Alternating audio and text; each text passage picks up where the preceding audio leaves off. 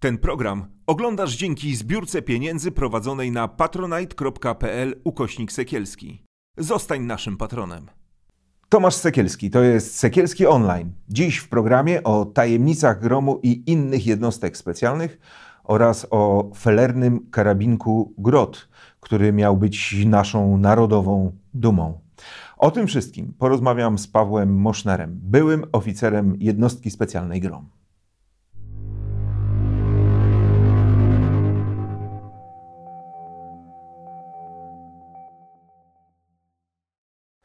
I zgodnie z zapowiedzią, mój gość e, Paweł Moszner, e, były funkcjonariusz e, jednostki specjalnej GROM. Żołnierz. Żołnierz. Właśnie, bo funkcjonariusz to W policji. w policji. Przepraszam. Chociaż pan y, i w policji też był. Tak, tak, tak, ale jak mówimy o gromie, to w gromie nie ma funkcjonariuszy, tylko Oczywiście. żołnierzy. Oficer, y, były oficer y, jednostki specjalnej GROM. Poprawnie? To poprawnie, tak. Poprawnie. Człowiek, który na broni się zna bardzo dobrze, choć e, niektórzy e, twierdzą, że nie. A dlaczego tak twierdzą, to już o tym za chwilę. Czy przedstawiając pana jeszcze powinienem o czymś wspomnieć? Poza tym, że tak, e, była policja, był grom, e, później były jakieś tajne, przezpoufne służby, o których pan pewnie powiedzieć nie będzie chciał. A może będę? E, Był też pan, e, pracował pan w kwaterze NATO w Brukseli. Y, Prowadziłem szkolenia. Tak, czyli pan pracował tam. No, pracowałem, ale nie byłem zatrudniony przez kwaterę główną NATO. Dobra. No, ale trochę już powiedziałem. E, Ma pan certyfikaty rozmaite, e, także rządu amerykańskiego, No, oczywiście. dotyczące, że tak powiem, jest pan instruktorem certyfikowanym. Taktyki, broni, eksperckie dokumenty mm, sygnowane przez rząd USA. Czyli trochę pan nazbierał e, różnych tytułów e, i poświadczeń przebytych szkoleń oraz tego, że pan sam szkoli innych. Tak, ja od początku może powiem, e, bronią interesowałem się zawsze. Wojskowością, historią mm, i różnego rodzaju odznaczeniami, insygniami wojskowymi, bo ja pochodzę z przedwojennej rodziny oficerskiej ze Śląska. Dziadek był oficerem e, w stopniu kapitana do roku 1938. Potem w stanie spoczynku był na kierowniczym stanowisku w Banku Śląskim, a ze strony babci cała rodzina praktycznie rządziła Śląskiem przedwojennym.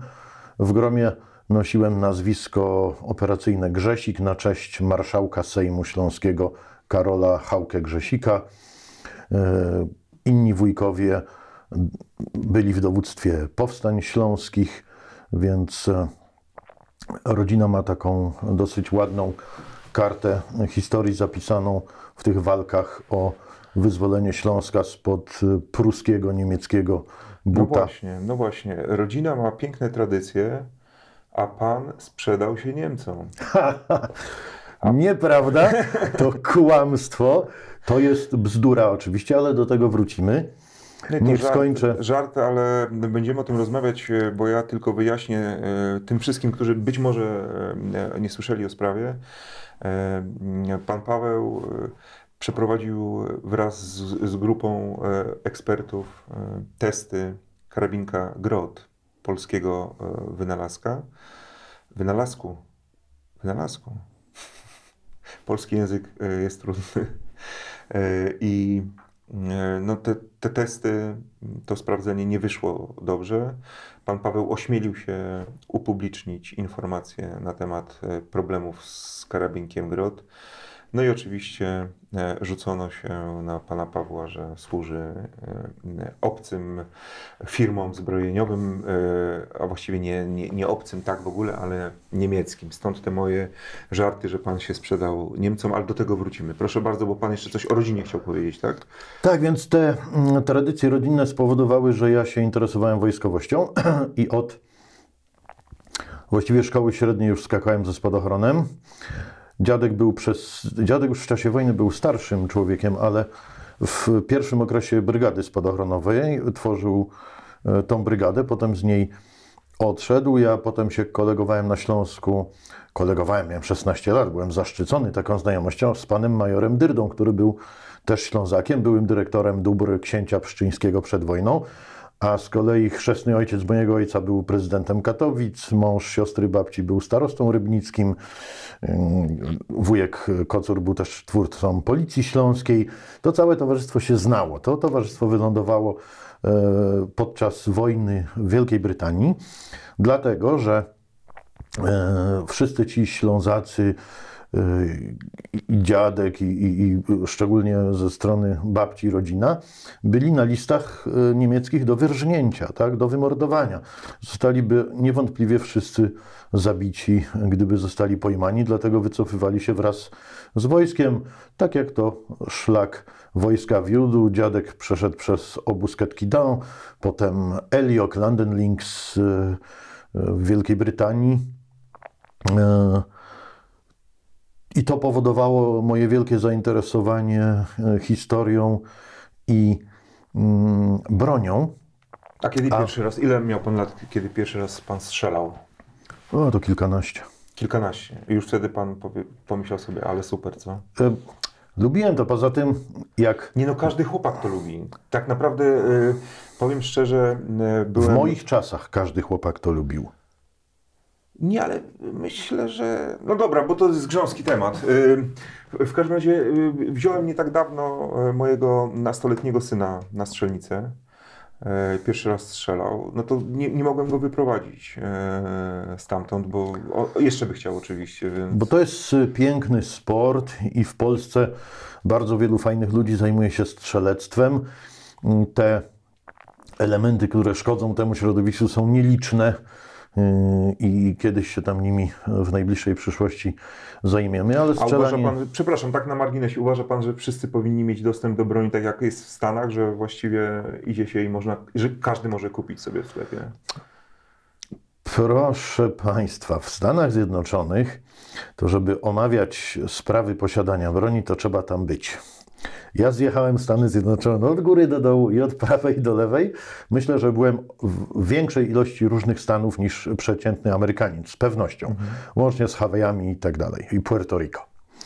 Więc co stan, to regulacje mogą się różnić. Nie jest w Ameryce tak, że można sobie kupić spluwę i chodzić z nią po ulicy. Nie ma czegoś takiego.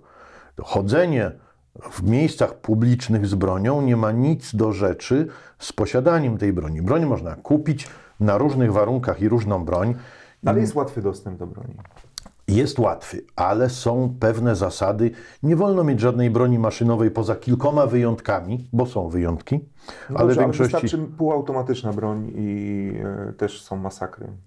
Ale masakry są też siekierą, piłą mechaniczną. Ale nie, nożem. Dlatego, nie dlatego pytam, czy, czy według Pana e, powinien być łatwiejszy dostęp do broni w Polsce, czy nie?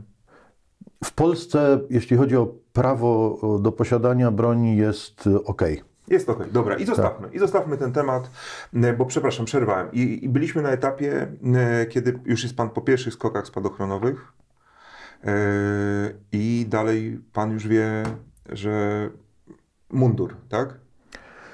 Jak Przede wszystkim należy dodać, że wspomniana rodzina babci i dziadka to nie było wszystko, bo mm, jak to historia lubi płatać figle, jeździłem z kolei e, do rodziny ze strony mojej mamy na wakacje. A tam Armia Krajowa i żołnierz wyklęty. I historie z UPA, żubrydem i tak dalej. Więc i wujkowie, i, i, I tak- rodzina tak, była i zaangażowana. Tak hańbi. Zaangażowana. No, cała, cała rodzina y, była zaangażowana jakoś tam y, raczej właśnie po stronie polskiej, więc ci wszyscy głupcy, którzy opowiadają dyrdy mały, no, mogą się tylko wstydzić. Y, nawet po wojnie, z racji tego, że w mojej mamy rodzinie był też poseł na Sejm w II Rzeczpospolitej. Także ja miałem rodzinę e, wysoko postawioną politycznie i w establishmencie po obu stronach. Aha. Więc e, no, po wojnie byli e, niszczeni, a brat mojej mamy starszy uczestniczył w tych podziemnych organizacjach powojennych. Czyli no właściwie, i... właściwie, był pan skazany, tak? Na to, żeby, żeby zostać, e, żeby trafić do służby mundurowej. było to jakieś tam silne oddziaływanie, a mnie się to podobało. I jako młody chłopak skakałem ze spadochronem to z powodu tej historii związanej z brygadą spadochronową i potem opowieści w detalach pana majora Dyrdy o skokach spadochronowych, czytaniu książek Sosabowskiego. Mm, dwie rzeczy mnie interesowały, spadochrony i broń, a potem dostałem z zachodu książki o SAS, o brytyjskim SAS-ie, jak to w Polsce się mówi i mm, byłem zafascynowany, jak to młody e, licealista postanowiłem zostać bohaterem i odbijać zakładników. Takie marzenia chodzą chłopcom Jasne, po głowie. Tak. I mm, potem właściwie przez przypadek, y, przez przypadek i przez te spadochrony y, no, trafiłem w ogóle do oddziałów specjalnych, zarówno do y, tych antyterrorystycznych, które powstały no, w ogóle w Polsce nie było w wojsku takich struktur, one były w policji.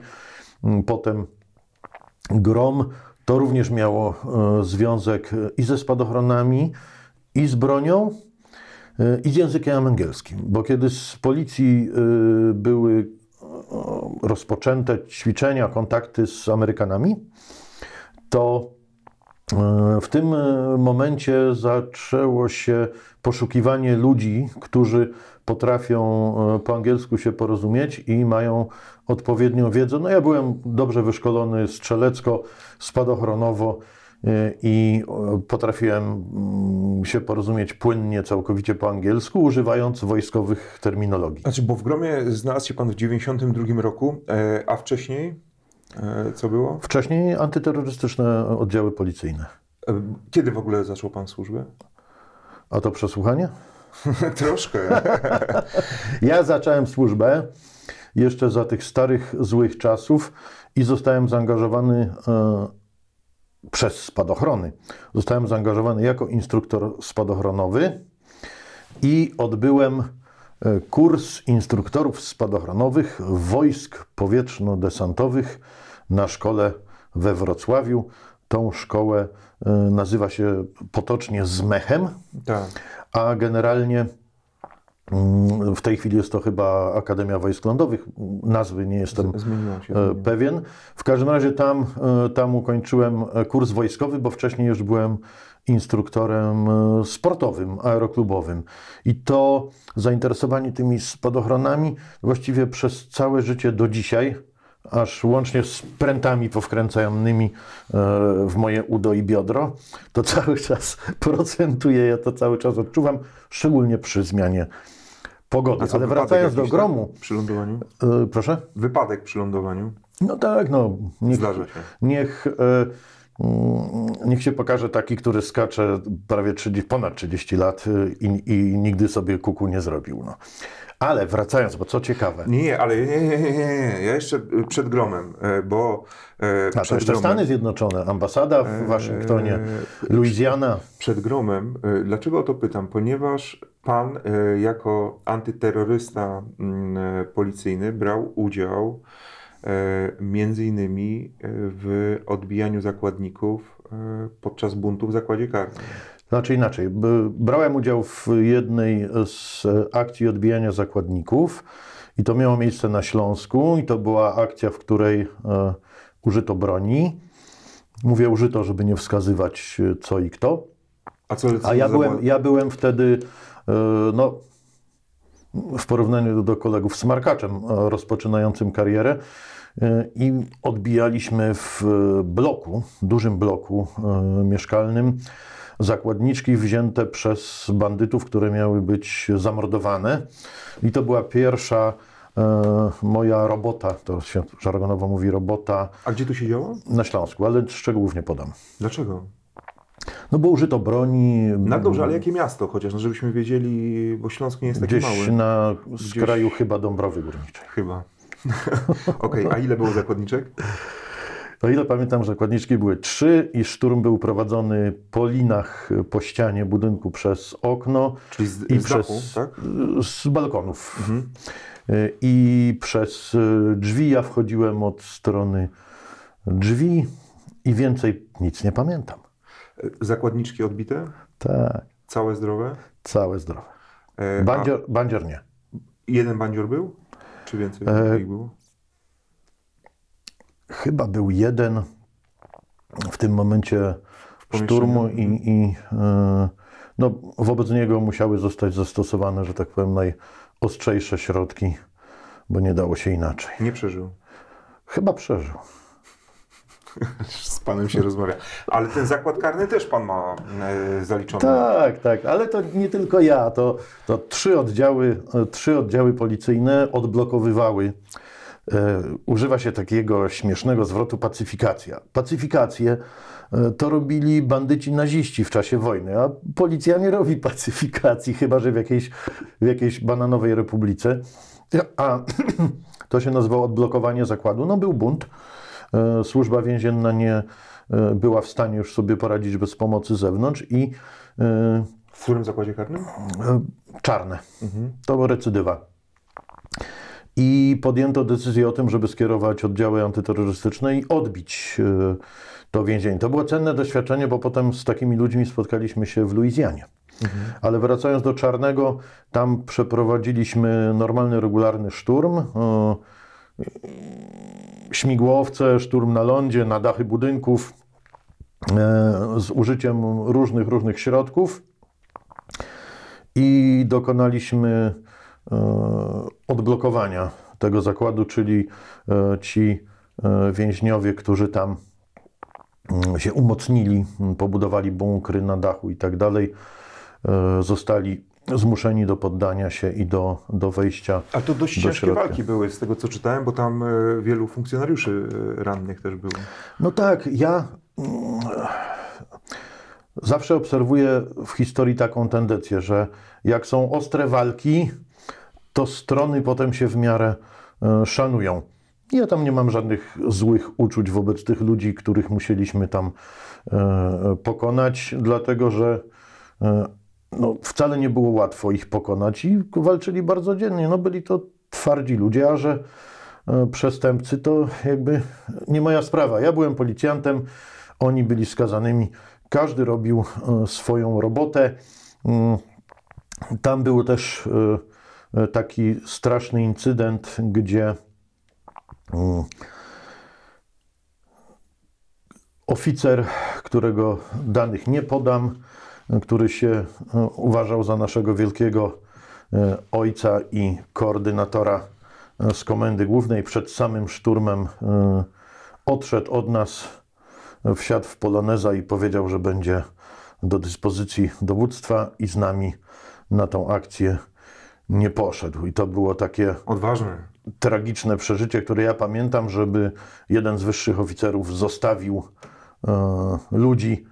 Czy myśmy go strasznie potrzebowali? Nie, Ale powinien być z wami. ale No właśnie. jak trzej muszkieterowie, jeden za wszystkich, wszyscy za jednego. W tej robocie nie zostawia się ludzi.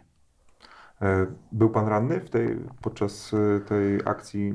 e, Byłem poobcierany, zgazowany, bo taka ta, ta zwykła policja spanikowała. Myśmy nie mieli masek przeciwgazowych, bo nie chcieliśmy ich brać. Oni zaatakowali gazem, jak spanikowali. E, Różne cuda się tam działy, latały różne koła zębate, różne ostre przedmioty. No, mm, cuda na kiju i z tym wszystkim trzeba było sobie poradzić, a mm, była też e, sprawa polityczna, dlatego że poinformowano nas e, już w miejscowości Czarne, że politycy zażądali e, listy naszego wyposażenia i mając, e, przepraszam, średnie pojęcie o tym, co do czego służy, wykreślali elementy wyposażenia i uzbrojenia, które wolno wziąć, a których wziąć nie wolno. E, No, to, są, to są takie rzeczy zdarzają się w, w każdym kraju. Prawdopodobnie było to następne tragiczne przeżycie, żeby ktoś, kto nie ma zielonego pojęcia o takiej pracy, Bo to był 89 rok, prawda? tak, tak, przed świętami. E, I dlatego pewnie się bano, bo to zmiany polityczne, dużo się w kraju dzieje i pewnie się e, politycy bali. Czego oni się bali, tego ja nie wiem. Najśmieszniejszą rzeczą było to, że na wyposażeniu oddziałów e, specjalnych były tak zwane noże szturmowe. E, tych noży nie używaliśmy praktycznie nigdy do żadnych walk, do żadnej nauki rzucania nożem, bo takich rzeczy nie było. To dzieci internetu opowiadają takie derdymały. E, nóż, e, to się nazywał nóż wzór 55 i 56, taki bardzo ładny mhm. nóż, który był na wyposażeniu, był ładną dekoracją, której zazdroszczono. Ja tym nożem otwiera, otwierałem konserwy z mielonką. I jak go naostrzyłem, bo zbyt ostry nie był, to ciąłem nim ogórki bo na pomidory był zatępy. Więc do tego służył ten nóż. Generalnie mógł służyć podczas roboty do, jako narzędzie mhm. przecięcia sznurów, się, te, te czy, noże, czy tak? rozcięcia odzieży, ja, żeby jak założyć opatrunek. zabrano wam. Tak, no jak zobaczyli nóż szturmowy, to po prostu to wykreślili, a to był, no teraz się nosi multitule, ladermany Jasne. i tak dalej. Wtedy się nosiło taki nóż, no bo jakieś narzędzie mieć. To ten nóż się... też nam mhm. zabrali, potem decydowali, jaką amunicję mamy brać i tak dalej. Nie wiem skąd ci ludzie mieli zielone pojęcie o tym, co, co trzeba wziąć do szturmu na, na twardych ludzi. To przecież nie były. E, Dzieci kwiaty. Tak, to nie były osoby, z którymi łatwo było sobie poradzić. Ci, ci faceci w czarnym to byli twardzi ludzie, no, to był twardy przeciwnik. No i, i tak to było, tak? Nie tylko w Polsce, ale w ogóle na świecie, jak ktoś pójdzie do jednostki specjalnej i ma takie mm, marzenia młodości, jak ja miałem, to potem życie te wyobrażenia i te marzenia młodości weryfikuje i to drewnianą pałką. To jakby pan dostał kijem baseballowym po łbie, to coś się dzieje, tu was zostawi dowódca, tu wam zabiorą uzbrojenie, tu wam zabiorą nóż, tu mi zabrali karabin i tak dalej.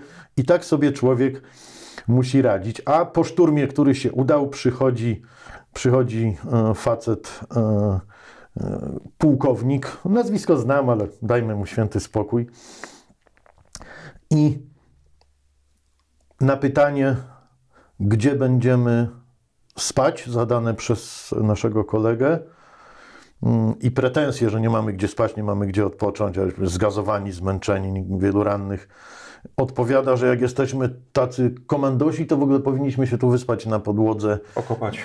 Tak, i tak dalej. No więc e, kolega bardzo odważny i podziwiam go do dzisiaj za to, wstał i powiedział oficjalnie, gdzie pan pułkownik ma pana chorążego takiego i takiego pocałować. I z tego, przepraszam, była wielka afera. Takie to są dzieje e, w pracy. E, ludzie boją się e, te rzeczy opowiadać, a ja takich, takich spraw widziałem mnóstwo i to nie tylko w policji. 92. Trafia pan do gromu. E, dlaczego wołali na pana Alf? O, to z racji e, tego, jak jestem szalenie przystojny. Pamiętam tego kosmitę takiego. No tak, no właśnie się wpatruje i się wpatruje i, i, nie wiem, być może, bo nie widziałem zbyt wielu pana e, starszych zdjęć, że tak powiem, to z tamtego pan, już, okresu. Już mówię, tak. Miał pan taki, taki lok? Bo, nie, bo Alf nie. słynął z tego, z tego takiego... Nie, Alf słynął z innych rzeczy. No, z jakich? Alf mówił po angielsku. Okej. Okay. Płynnie, ja, ja też. Jadł koty. Nie, nie, nie, nie. Płynnie po angielsku, ja też. Alf był niewiarygodnie bezczelny. Pan też. To ja. No jasne. We własnej osobie, tak? Okay. Alf zawsze robił to, co uważał za stosowne. Ja też. Jak się mu coś nie podobało, to zawsze swoim gospodarzom mówił i lubił zjeść, tak? Ja też. Okay. I to e, trochę tej bezczelności tego angielskiego, no i mam trochę dużego nocha, może no, nie takiego jak właśnie, Alf, ale... No właśnie tak wpatruje się i tak ja... naciągane, znaczy jeśli chodzi o fizjonomię, to mocno naciągane podobieństwo. Ale y, z zachowania niektóre te żartobliwe elementy pasowały i jak mój kolega snajper y, y, powiedział mi, że właśnie taką mi wymyślili ksywę, to zacząłem się zastanawiać, a potem pokochałem tą ksywę i do dzisiaj mam e, takiego e, alfa, e, zabawkę. Stoi u mnie w witrynie z wojskowymi gadżetami, trzyma karabin, taki mały model w garści i ten alf jest e, symbolem. Petelicki, e, z którym... E, Założyciel gromu. Z którym no, znaliśmy się z gromu i pracowałem bardzo blisko. Byłem przy tylu sprawach z pułkownikiem, potem generałem Petelickim, że nie każdy, kto służył w gromie długo, nawet sobie zdaje sprawę z tego. On nigdy do mnie nie mówił na ty, nawet jak mnie chciał opierniczyć, tylko mówił do mnie, panie Alf! Panie Alf! Panie Alf! Co mi pan tu pie... No i to, to, było, to było rewelacyjne. I ja tego... Panie Alf! Panie Alf! Jak mnie dowódca opierdzielał, to krzyczał, Panie Alf, co mi pan tu, albo niech pan tu przyjdzie do mnie. A myśmy Dobry. pracowali bardzo, bardzo blisko, bo cała organizacja współpracy z mhm. SAS, z Deltą, z różnymi służbami specjalnymi e, spoczywała na ludziach, którzy znali angielski. A na początku nie było ich wcale tak wielu. Było parę osób. Było, ale mówię, na, na, tak, tak, tak. No dzisiaj to jest w ogóle podstawa, prawda, żeby mm, tak, tak, tak. zostać tak. ale, ale proszę pamiętać, że to były tamte lata. Ja mm, nie używam w rozmowie dat i nie róbmy mm. tego, bo dlaczego? Bo daty pokazują, kto gdzie mógł być i jaką robotę Jasne. robić, tak? Nie, nie, Więc, ja mówię o początkach, czyli ten 92 no, rok. Po, powiedzmy początki i dajmy mm. tym, e, tym początkom e, Dobrze, spokój. Yy, moje pytanie, bo pan był snajperem. Ale skończmy jeszcze ten wątek. Dobrze, dobra, przepraszam. W, było kilka osób w jednostce, które mówiły dobrze po angielsku. Mhm. Dowódca, pułkownik ówczesny Petelicki, Potem e, był, e, były osoby z grupy e, wsparcia i w oddziale bojowym wtedy to też dzieci internetu opowiadają bzdury, bo się nie znają. Ja byłem w oddziale bojowym jedynym, który znał płynny angielski, a nie jedynym w jednostce. W jednostce znało kilka osób. Były też dziewczyny, które były na etatach wojskowych i one bardzo pomagały i też e, pomagały tłumaczyć. Ja z racji tego, że zawsze byłem zainteresowany szkoleniami, yy, miałem robotę na dwa etaty i za ten drugi etat nie dostawałem wynagrodzenia. Jak dowódca widział, że mam dość i jestem wściekły, to na przykład wysyłał mnie do Colorado do Zielonych Beretów samego. Niech Alf pojedzie do Zielonych Beretów, tam poskacze, po, poskacze zrobi jakieś tam wojskowe sprawy, wróci zachwycony i znowu trzeba e, zaorać poletko. E, ja nie protestowałem. Mm, język angielski pozwolił na to, że byłem też przy ogromnej ilości spotkań i decyzji, które zapadały w kuluarach i przy sytuacjach, o których do dzisiaj e, ludzie, którzy twierdzą, że wiele wiedzą na temat gromu, nie mają zielonego e, pojęcia. Wtedy załatwiało się sprawy na bieżąco. To, co wtedy robił e, Sławomir Petelicki, to była robota pionierska, ja nie jestem, broń, broń Boże, jakimś e, zwolennikiem e, bezkrytycznym naszego pierwszego dowódcy. Każdy z nas ma swoje za uszami, prawda? Pan ma, ja mam, każdy dowód, ja dowódca też miał. Ja nie. No widzi pan, dzieci internetu twierdzą inaczej. Ale e, wtedy rzeczy, które działy się wtedy w Gromie i organizacja i pierwsze kontakty z SAS, pierwsze kontakty z różnymi strukturami amerykańskimi, to się wszystko odbywało u starego, myśmy na niego mówili stary, w gabinecie. Potem była komenda, mm, żeby niech Alf przyjdzie do mnie, tak? I jak coś trzeba było załatwić, to to, to e, robiliśmy. Mnie się to podobało. Ja byłem mm, zachwycony i byłem w swoim żywiole, a potem, jak się okazało, że połączyła się historia mojej rodziny w Wielkiej Brytanii w czasie II wojny i moich zainteresowań i brytyjskiego SAS, czyli tej książki, którą ja nocami studiowałem z zdjęciami z historią SAS i ja potem miałem zaszczyt wielki do tego SAS pojechać y, i to nie raz, bo my nie byliśmy raz. E, I oni u nas i kiedy leciałem na robotę Chinookiem albo Augustą zdobytą na Falklandach przez SAS razem, razem z nimi, to było takie spełnienie, spełnienie mm, służby. A jakby pan, y, y, bo, bo, za chwilę o tym, o tym, że był pan snajperem, bo to też jest y, rzecz wyjątkowa.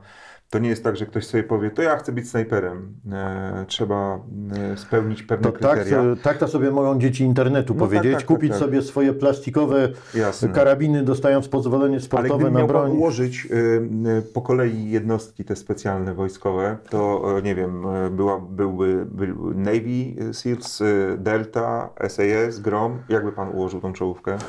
Ja bym nie układał, bo nie wolno tego robić. No Bo- dobra, dobra, ale na potrzeby tej naszej rozmowy. Ale e, jednostki specjalne robią różną robotę i czasem każda daje ciała. I mówienie, że tamci są lepsi, ci gorsi, e, A to co, Nie te, ma- te cztery, które wymieniłem, są równorzędne według pana dzisiaj? dzisiaj nie wiem, a jutro. Ja powiem tak, powiem inaczej. E, Co mogę powiedzieć z perspektywy historii gromu? Dla nas e, wielkim mistrzem pierwszym to byli Amerykanie. Część ludzi pochodziła z SEALsów, część z różnych innych struktur niejawnych. I e, była taka organizacja, która nazywała się US Government Special Training Group. I oni e, w tej organizacji e, działali i, i nas szkolili, a potem e, SAS, Delta, no, SEALsi już później. Także pierwszym, pierwszymi mistrzami byli Amerykanie, a potem SAS. I jak trafiliśmy do SAS, to było wielkie wielkie otwarcie oczu, dlatego że no, SAS działał w Europie. W europejskim stylu bycia, mentalności. Co prawda, mentalność brytyjska jest e, specyficzna, ale oni działali w Europie, w prawie bardzo zbliżonym między krajami europejskimi i mieli doświadczenia ze zwalczaniem terroryzmu od początku swojego istnienia. I walczyli z najtrudniejszym przeciwnikiem, jeśli chodzi o oddziały antyterrorystyczne wszechczasów. Nigdy nie było groźniejszego przeciwnika niż irlandzka armia republikańska. I SAS walczył z IRA, między innymi robił różne inne rzeczy i dokonał spektakularnego odbicia zakładników z ambasady Iranu w Londynie. I E, O tym też mogliśmy porozmawiać i z tymi ludźmi wymienić doświadczenia. W Gromie był ta, była taka zasada, zresztą wzięta z cudzych doświadczeń, bo swoich e, nie mieliśmy, że najpierw trzeba zostać szturmanem, czyli tym op- operatorem, jak się teraz modnie mówi, a potem można było po ukończeniu tego etapu szturmowego do, zrobić dodatkowy snajperski. Jak się ludzi wybiera na snajperów? Jak pana wybrano? Zrobię, przede wszystkim snajper musi chcieć być snajperem, bo na siłę nikogo się snajperem nie zrobi. Po drugie, musi dawać, pre, prezentować pewne cechy charakteru i pewne umiejętności. I tu powiem rzecz, która może się wydać normalnemu człowiekowi straszna. Według jednej z definicji, snajper musi być przez psychologów i specjalistów określony, przebadany, odpowiednio nam testy, takie, takie inne e, selekcyjne rzeczy. I snajper musi być, uwaga, zdolny do zabicia człowieka na rozkaz w zimny i zaplanowany sposób. Czyli musi być troszkę socjopatą. E, Tu się nie zgodzę, bo myślę, że socjopatów e, trzeba z takich oddziałów eliminować. Musi wiedzieć, że w sytuacji ratowania ludzkiego życia jest w stanie dokonać tego ruchu, zrobić to dobrze i mieć świadomość, że czyni dobrze w imieniu własnego kraju, a nie dla jakiegoś widzimisię. Czyli może to zrobić w obronie ojczyzny albo w obronie obywateli tej ojczyzny lub innych, których trzeba w danej sytuacji ratować. Ale jak, jak się przeprowadza taki test? No bo e, wyobrażam sobie, że gdybym e, był poddany badaniom psychologicznym i gdy, gdyby ktoś mnie zapytał, a chciałbym na przykład bardzo zostać snajperem i ktoś by mnie zapytał, czy, czy jeśli usłyszy pan e, rozkaz zabicia kogoś, e, czy pan go wykona, to bym odpowiedział tak, no tylko e, jaka jest pewność, że ta odpowiedź e, równa się później w akcji, e, działaniu? Pewności nie ma, ale są narzędzia e, psychologów, które potrafią stwierdzić to i owo. Ja się nie mogę tutaj w, w detale wgłębiać, ale powiem tak. byłem za granicą na zajęciach, na których zaproszono snajperów i uczestniczyli y, w polowaniu. Aha. Uczestniczyli w polowaniu z pewnymi założeniami, tak? Nie można było strzelać na odległość dużo, e, przepraszam, e, nie można było strzelać na odległość mniejszą niż 200 metrów, czyli 200 metrów lub dalej. Mhm. I nie można było strzelać w jakąkolwiek część, tylko trzeba było strzelać w głowę i odpowiednio podejść i, i wykonać zadanie. To, było związane z mm, normalną organizacją polowania, tylko snajperzy byli na tym polowaniu na specjalnych warunkach i tylko tak wolno im było działać. I było to w jednym z zaprzyjaźnionych y, krajów. Y, jeszcze kolega ze mną był na tych zajęciach i tak na przykład sprawdzano młodych snajperów. Wszyscy młodzi snajperzy tam byli, musieli... A co do sarenek, to... jelonków, tak? Do zwierzyny płowej. Mhm. Legalnie, legalnie. Nie, nie, ja nie, nie twierdzę, że nie. I takie podobne rzeczy się robi. Snajperzy muszą też umieć obserwować, niektórzy fotografować, przekazywać meldunki. Ale cierpliwość, nie? Mieć cierpliwość, e, liczyć. E, prawdziwy snajper, no, snajper, tak? Bo nie ma prawdziwych, nieprawdziwych. Snajper to snajper. Snajper to nie jest sharpshooter, czyli strzelec wyborowy, który gdzieś tam w drużynie działa i ma lepsze predyspozycje i lepszy mhm. karabin jako strzelec, ale snajper musi wykonywać wiele różnych czynności. Musi być cierpliwy, obserwować otoczenie, musi być spostrzegawczy, musi mieć dobry wzrok, nie ale powinien zawsze palić. w dwójkę, prawda? Nie można powiedzieć zawsze. Ale często. Cza często, tak ale e, no myśmy byli podzieleni na e, sekcje dwuosobowe. dwuosobowe, ale każdy był równorzędnych umiejętności, tylko mógł się zamieniać funkcjami. I proszę sobie wyobrazić teraz, że na jednych ćwiczeniach z karabinem i z całym sprzętem było tak zorganizowane przez e, e, amerykańskich organizatorów ćwiczenia e, to podejście do celu, że musieliśmy pokonać przy bardzo ograniczonych możliwościach maskowania i, i piachu duży dystans do celu i to nam zajęło godziny przemieszczanie się. Godziny, godziny. Więc trzeba było też mieć wielką cierpliwość, być wytrzymałym. Tam nie trzeba było sprinterów, tam było trzeba kogoś, kto wytrzyma cały dzień i się nie załamie, zrobi coś, podejdzie. A jak mu się ubabra karabin w piasku, mhm. to będzie go musiał w sposób ukryty odblokować. Nam się wtedy, nam się wtedy e, dostał piach do takiej bardzo dobrej broni wyborowej, bo sytuacja, e, no, byliśmy tak strasznie zmęczeni z kolegą, że zapiaszczyliśmy mm, jeden z karabinów i musieliśmy też ten karabin obsłużyć, więc snajper jak wyjdzie e, na misję, możliwe, nie zawsze, ale możliwe, że zostanie sam i musi użyć wielu swoich umiejętności, żeby mm, coś zrobić, żeby obsłużyć broń, żeby określić odległość, żeby określić wiatr, żeby określić kąt padania światła, jakie światło, temperaturę, musi wiedzieć, kiedy pocisk e, będzie górował, kiedy będzie dołował, jak się strzela pod kątem, czy strzela się w dół inaczej, czy strzela się w górę inaczej. Odsyłam do podręczników, niech sobie strzelcy sprawdzą. To są bardzo poważne rzeczy. Ruchomy cel, no strzelanie do ruchomego celu to jest w ogóle wyższa szkoła, jazdy. szkoła jazdy. A niech będzie ruchomy cel i wiatr, albo wiatr a, poruszający się w kierunku celu, albo przeciwnym do poruszania się celu. Albo I to wszystko, temperatura. I to wszystko trzeba brać pod uwagę. Nie ma głupich snajperów.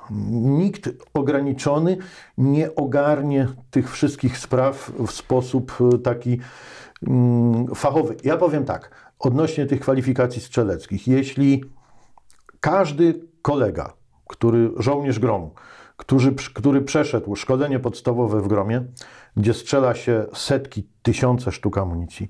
I każdy kolega, który potem przeszedł szkolenie snajperskie w gromie, ukończył te wszystkie szkolenia, dostał już poświadczenie, certyfikat, że jest pełnoprawnym żołnierzem, to ma już takie doświadczenie i takie tysiące, tysiące sztuk wystrzelanej amunicji, że nie ma o czym z tymi e, dzieciakami, którzy mają broń sportową rozmawiać. Niech oni się zajmą sportem, a niech się nie wypowiadają na tematy wojskowe, bo jak ktoś w weekend przebierze się w kamuflaż naszej jednostki, pobiega i wystrzeli 100 sztuk amunicji, bo szkoda mu pieniędzy na więcej, to niech sobie to porówna, że jednostki specjalne potrafią w ciągu roku wystrzelić kilkanaście milionów, tak?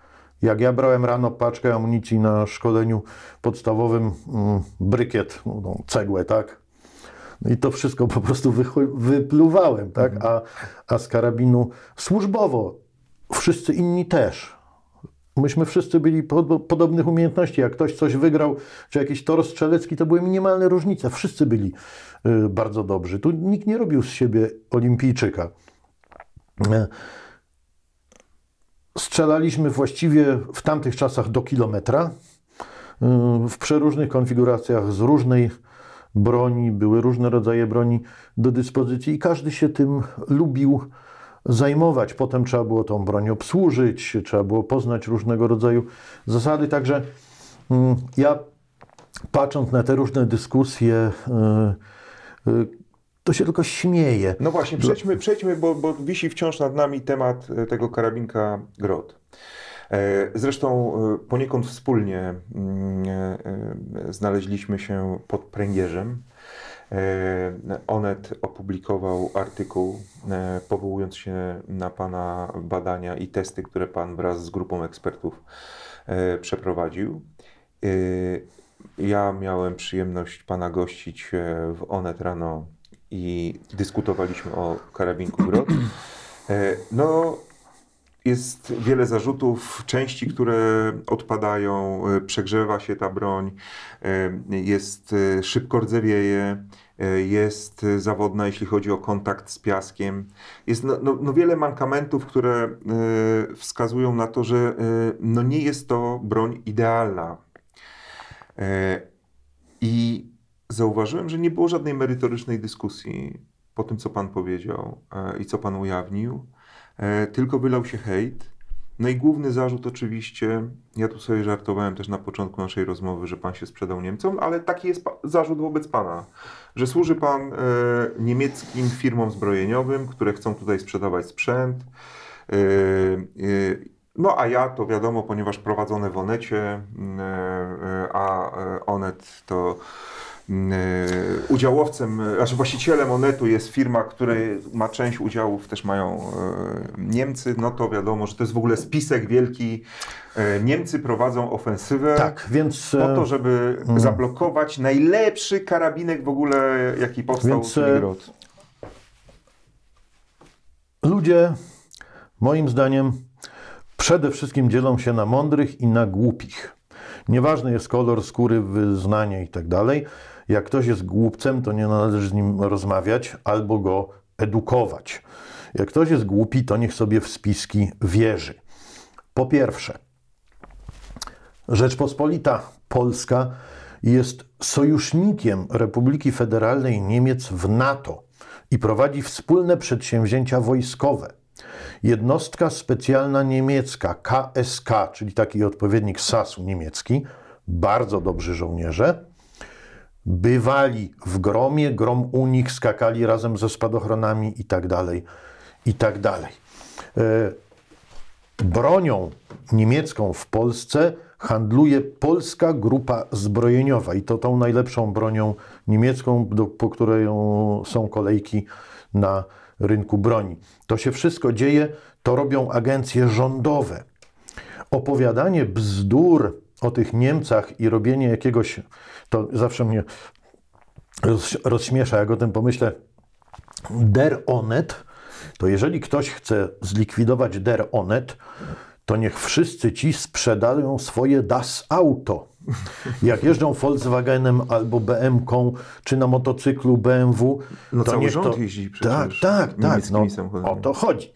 To niech cały rząd Das Auto wyrzuci na śmietnik, bo Das Auto jest złe niemieckie, niech jeżdżą polonezami. Nie ma już. To jest, o, o strasz, a czemu nie ma? Bo były za dobre. Bo były za dobre, tak? I nikt się nie poznał na ich świetności. Więc żarty żartami. E, Panie Pawle, robienie panie, Pawle, pracuje pan, na... pa- panie Pawle, pracuje pan dla niemieckiego koncernu zbrojeniowego? Nigdy nie pracowałem, nie pracuję i nie zamierzam pracować. Czy handluje pan niemiecką bronią? Nie i nigdy nie handlowałem. E, Ale tak. grzech śmiertelny. Mam trzy sztuki niemieckiej broni. Mam broń z Radomia. Też. Mam broń amerykańską. Mam broń belgijską i wszystko legalnie.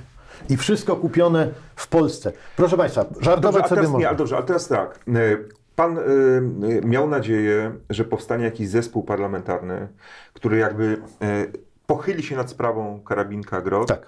ze względu na bezpieczeństwo żołnierzy, ze względu na to, że armia powinna być dobrze wyposażona w dobry sprzęt. E, Jak na razie e, nie wygląda na to, aby tak, taki zespół e, miał szansę powstać. Czy, czy się mylę? Więc ja odsyłam wszystkich, bo to w archiwum Mhm. zapewne będzie można znaleźć gdzieś tam w internecie, do naszej rozmowy Tak. wspólnej. Z naszej rozmowy nie wynikała żadna agresja, a ja kilka razy powtarzałem apel, żeby Polacy się nie kłócili, nie skakali sobie do gardeł, tylko żeby się sprawą zajęli. Co się stało? Oczywiście Polacy rzucili się jeden drugiemu do gardła. Pojawiły się polskie demony, jakichś Niemców, nazistów, nie wiadomo kogo. Połowa moich kolegów się przebiera w niemieckie mundury na rekonstrukcjach historycznych i biegamy po Warszawie przy, przy kamerach czy po różnych imprezach, które są dotowane często przez MON. Tu nie ma nazistów. Naziści byli do końca wojny i po wojnie, ale nasz sojusznik to nie są naziści. Jesteśmy w Unii Europejskiej, jesteśmy w NATO. Opowiadanie tych bzdur o Niemcach to jest po prostu skandal. No dobrze, ale skąd się to bierze według Pana? To się to bi- bierze się to z jakichś kompleksów i demonów przeszłości. A może po prostu żyjemy dzisiaj w czasach, w których wszystko musi być narodowe, polskie. Musi być e, narodowy program szczepień, narodowy szpital. Wszystko jest narodowe, a pan nagle odebrał e, ty, tymi testami, pokazując czarno na białym, że coś jest nie tak z karabinkiem Grot. Pan odebrał wielkie marzenie, i to nie byle kogo, Antoniego Macierewicza, który e, podjął decyzję o tym, żeby te karabinki trafiły do polskiej armii. Odebrał pan marzenie o potędze militarnej polskiej, która budowana jest e, w oparciu o fabrykę broni Łucznik w Radomiu. Ja myślę, że większą potęgę militarną Polski stanowią niemieckie Der Czołg, bo polski żołnierz e, walczy, mam, walczy, w teorii na razie mam nadzieję, ale polski żołnierz e, używa czołgów Leopard, Der Czołg, zły, na złom. Na tym czołgu Der Leopard, ja nie mówię po niemiecku płynnie, więc pewnie popełniam z tymi przedrostkami błędy. Na tym czołgu jest der karabin maszynowy. On się nazywa MG3. Jest to nic innego, tylko modyfikacja MG42, tego który, karabinu maszynowego, którym wymordowano powstanie warszawskie. I to wszystko jest w rękach polskiego żołnierza normalności trochę, rozumu po prostu. Jaki, jaki der onet, jaki der czołg. Ludzie, zgłupieliście wszyscy, co? Ja tego nie rozumiem. Połowę doskonałego sprzętu. Policja niech odda karabinki niemieckie. Oddziały polskie specjalne niech oddadzą der broń z Vaterlandu. To wszystko sprowadziły polskie firmy i polska grupa zbrojeniowa, polska grupa zbrojeniowa, która krzyczy o jakichś tam strasznych rzeczach, ona sprzedaje tą niemiecką der broń. E, Panie Pawle, e, czy poza, dem, e, poza zaprzeczeniami, zarzutami i podważaniem e, Pana ekspertyz i, pana, i, i ludzi, którzy z Panem te ekspertyzy przygotowywali, czy ktokolwiek jakoś na przykład, nie wiem, no może gdzieś tam mimochodem, czy to z fabryki w Radomiu, czy może jednak nawet z samego Ministerstwa Obrony Narodowej zadzwonił i powiedział, no a może byśmy się spotkali, e, bo chcemy to skonsultować, bo tak, e, MON powiedział, e, to są bzdury, karabinek jest świetny. E, Wojska Obrony Terytorialnej, które w dużej mierze właściwie głównie tamta, ten, ten karabinek teraz trafia, mówią, nie, jest świetny, no trochę się psuje czasami, ale jesteśmy w kontakcie z fabryką w Radomiu i tam te wszystkie usterki modyfikujemy, naprawiamy. No a fabryka w Radomiu oczywiście powiedziała, wszystko jest y, rewelacyjnie, karabinek przeszedł testy wojskowe, i, y, a my zresztą jesteśmy też w takim dialogu tam właśnie z, na przykład z wojskami obrony terytorialnej, więc wszelkie mankamenty usuwamy. Poza tym te przypadki wymienione mm, w Pana raporcie są naprawdę pojedyncze, marginalne i każda broń na świecie, każda broń na świecie e, się psuje czasami. Każda broń na świecie się psuje i to jest prawda. Nie ma broni idealnej i to jest prawda. Grot też idealny nie jest. Nikt się nie zapytał, a mm, ani producent, ani nikt inny, co ustaliliśmy, jakie rzeczy zrobiliśmy, a zrobiliśmy rzeczy bardzo ciekawe. Ja nie wchodzę w kompetencje rusznikarzy, a w naszym zespole był i rusznikarz, i, i były ekspert Centralnego Laboratorium Kryminalistyki i tak dalej. I byli też żołnierze WOTU, i to nie żołnierze niedoświadczeni, tylko żołnierze, którzy właśnie szkolą z karabinkami. I zaczęliśmy ten karabinek badać. Ale dlaczego? To się nie wzięło z kosmosu. Dlatego, że ja chodząc na prywatne e, strzelania rekreacyjno-sportowe, zauważyłem, jak grupy osób, które wychwalały się, za ile to dostały jakiś ułamek wartości, tak się chwalili, nie weryfikowałem, e, karabinki Grot, jak ten karabinek wykorzystywały i strzelały. Strzelano bardzo mało, w sterylnych warunkach, a potem tworzono e, na ten temat e, artykuły, a na każde pytanie dotyczące, a słuchaj, a przecież ty tu wypisujesz takie rzeczy, a to się zepsuło, to się, to, to, to, to facet odpowiadał agresywnie, pier i tak dalej, i tak dalej. A w, tym, w, tym różnym, w tych różnych czynnościach przy karabinku Grot przez wszystkiej całej Wrzawie brały udział osoby, które mają tą broń i się wywodzą zarówno ze świata dziennikarzy, jakby i byłego WSI. I widziałem, e, co z tą bronią robią. Jeżeli ja uczę faceta podstaw strzelania, on mi się potem przyznaje, tak, tak, fajnie, bo ja to znam się na strzelaniu z pistoletu sportowego, a z karabinu to chciałbym się nauczyć. I on a pisze, pisze, mhm. pisze o broni, no to przepraszam bardzo. Jeżeli ja mam w grupie kolegów tych ekspertów, których wspomniałem, plus ja posiadam całe szkolenie bojowe w Gromie, posiadam szkolenie snajperskie w Gromie, posiadam certyfikaty rządowe amerykańskie. One nie mają daty ważności. Dostałem te certyfikaty i je mam. Petelicki podpisał mi kwit, że jestem instruktorem strzelania taktycznego. To ja się wypowiadam o broni i wcale nie uważam, że jestem najmądrzejszy. Ale nie będę dyskutował z dziećmi internetu, które kupiły sobie karabinki na prywatne pozwolenia i uważają, że zjedli wszystkie rozumy. Nie da się tak dyskutować. Użytkownik, kto to jest użytkownik broni? Ile z tej broni wystarczy? Jeżeli my stawiamy stos magazynków i strzelamy, to bardzo wielu tych ludzi, którzy próbują tutaj jakieś dyrdy mały e, opowiadać, nie wystrzeliło ani jednej trzeciej tego. Tam Jeszcze... dochodziło nawet do sytuacji tak, że, że rusznikarz przerwał strzelanie, bo tak, lufa tak, się wykrzywiła, tak, tak? W trakcie... Ale ja wyjaśniam. Opowiadają dzieci internetu takie głupstwa, że no w ogóle nie mogliśmy tak strzelać, bo w instrukcji jest napisane, że trzeba wystrzelać tyle i tyle i schłodzić broń.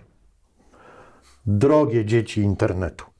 Instrukcja to jest do strzelania w warunkach pokoju, a nie w walce, jak polski żołnierz będzie się bronił, tak jak na misji czy gdzieś, i wróg będzie 70-50 metrów, a on już wystrzeli tyle magazynków, ile mówi instrukcja, żeby schłodzić broń, to co wystawi? Pisemne żądanie przerwania ognia? Time out. Wyjdzie trener i, i powie przerwa. Tak, więc dzieci internetu muszą zrozumieć, że instrukcja nie dotyczy działań bojowych. Nawet karabiny maszynowe na II wojnie światowej miały w instrukcjach nakazane zmianę lufy, całej lufy, to się szybko robiło, żeby ta lufa się nie przegrzała podczas walki, tak, po jakiejś porcji amunicji. Ale było zaznaczone, że jak jest wróg na przedpolu bliżej, to się tego nie stosuje. Więc instrukcja ok. Ale muszą te dzieci rozumieć, że polski żołnierz nie może pokazać instrukcji, jak będzie miał 30 metrów dalej terrorystów czy bandziorów i powiedzieć, że on już wystrzelał 10 magazynków i on teraz będzie schładzał broń. To są to są bzdury. Ci ludzie łapią się brzytwy, tak? Tonący brzytwy się chwyta. Boi się pan pozwu? Bo tam zaczęły się jakieś takie groźby, że e, będą pozwy składane przeciwko tym, którzy oczerniają karabinek No więc jeżeli e, nie można oczerniać rzeczy, jeżeli ktoś oczernia rzecz, to ja mogę oczernić teraz tą filiżankę. Proszę nie, bo jest ładna. Ty filiżanko jej powiem i ona będzie oczerniona. E, proszę pana, sprawdziliśmy z prawnikami i każdę linijkę. Ja jestem z wykształcenia policjantem po Wyższej Szkole Policji. Każdą linijkę czytaliśmy, a reszta zespołu musiała potwierdzić, bo ja byłem redaktorem y, zbierającym wszystko, tak? Czy wszystko jest zgodne z prawem. Mamy świadków, zapisy rozmów i tak dalej. E, nie ma nic przeciwko nikomu i żadnej agresji. Tak samo w naszych wystąpieniach i gdzie byłem u pana gościem. Żadnej agresji, tylko apel o spokój. Ten apel o spokój został zlekceważony, rzucili się do gardła yy, wszyscy politycy, jedni, drudzy. Ja stoję z boku i patrzę. Artykuł, który był pisany przez yy, innych dziennikarzy, to niech sobie oceniają. Ja mogę tylko rozmawiać o o tym, co opisie testów broni. A w opisie testów broni jest prawda. I jeszcze jedna rzecz ważna, bardzo ważna. Przy tym strzelaniu y, tych 30 magazynków, bo też dzieci internetu y, opowiadają dyrdy mały.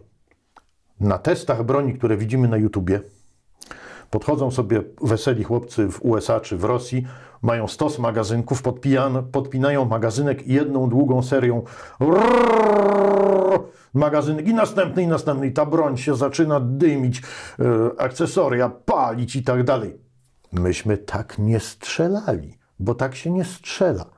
Podchodziliśmy po kolei, mieliśmy poładowane magazynki i strzelaliśmy króciutkimi seriami, czyli ogień mierzony, mhm. żadne łubu-dubu, to nie film wojenny. Potem, po wystrzeleniu amunicji z tego magazynka, zostawał zamek w tylnym położeniu, zespół suwadło-zamek. Strzelec odpinał magazynek, sprawdzał broń, musiał wstać, przekazać następnemu. Ten następny się kładł, sprawdzał broń, wprowadzał magazynek, ryglował broń i robił swoje. To nie był test na zniszczenie, tylko na funkcjonowanie broni w warunkach podobnych. A mimo to, a mimo to się przegrzewało. Tak, y, przegrzanie ogromne nastąpiło mimo to po 30 magazynkach i faktycznie to się wygięło. No to z kilku świadków, y, y, specjalista z CLK, rusznikarz i jeszcze paru innych. Ale mm, dla mnie najbardziej kłopotliwe było to, że przy dziesiątym magazynku łoże, czyli ta nakładka z przodu, jak ktoś patrzy, okalająca mhm. broń, było tak nagrzane, że nie można było tego trzymać. Po dziesiątym, a to nie jest dużo. Teraz y, opowiadanie o tym, ile się powinno strzelać, ile się nie powinno. Jeżeli mamy broń dla wojska, to się powinno strzelać tyle, ile trzeba. Bo no kiedy tak. polski żołnierz będzie atakowany, to nie wyciągnie instrukcji. To dzieci internetu mogą wyciągać nie sobie będzie, instrukcje. Nie będzie układał też lodem. Ma, nie będzie. Dlatego najstraszniejsze jest to, że mimo y, wszystkich apeli, próśb, nikt się kompletnie nie zainteresował. Nikogo nie obchodzi. Jeśli są E, ustalenia, które dotyczą jakichś problemów, one są natychmiast agresywnie atakowane. Nie ma żadnej dobrej woli. A jeśli nie ma dobrej woli, żeby to wyjaśnić, bo gdybym ja taki raport dostał, to bym się spytał, ok, to pokażcie, tak jak się broni pracę magisterską czy doktorską, mhm. tak? Pokażcie pracę, podyskutujmy i bronimy tej pracy. A jeśli ktoś kto jeszcze nigdy w wojsku nie był, uważa się za mądrale, albo jakieś dzieci internetu opowiadają dyrdy mały, e, a sami co robią na strzelnicach, to ja mogę imiennie mhm. pokazać, to jest to chore i myślę, że e, błędem wszystkich jest te skakanie sobie do oczu, bo w naszym raporcie ani nie ma żadnej agresji, ani nikt nikogo nie oczernia, a zdanie strony drugiej jest uszanowane i za każdym razem cytowane i są dwa niezależne zapisy tych rozmów i nie ma tutaj żadnej złej woli. Ci, którzy mają złą wolę, albo się boją, albo robią to celowo, żeby znowu doprowadzić do jakiejś wojny i zyskać na tym jakieś e, polityczne korzyści. I tu postawmy kropkę, bo moglibyśmy jeszcze długo, e, ale e, myślę, że w tym momencie będzie najlepiej zakończyć. Panie Pawle, bardzo dziękuję. Wiem, że powoli zabiera się Pan do pisania książki o swoim barwnym życiu. Jest prawie gotowa. Ach, już jest. A ja myślałem, że Pan... To zapraszam, jak będzie wydawana, to zapraszam ponownie, e, to porozmawiamy o książce e, i poreklamujemy i znowu nam zarzucą, że działamy wspólnie. Naziści. E, Paweł Moszner, były oficer jednostki specjalnej GROM. Człowiek, który na broni się zna i który potrafi nie tylko strzelać, ale strzela bardzo dobrze. Bardzo dziękuję. Bardzo dziękuję. Paweł Moszner był moim gościem. Ten program oglądałeś dzięki zbiórce pieniędzy prowadzonej na patronite.pl ukośnik Sekielski. Zostań naszym patronem.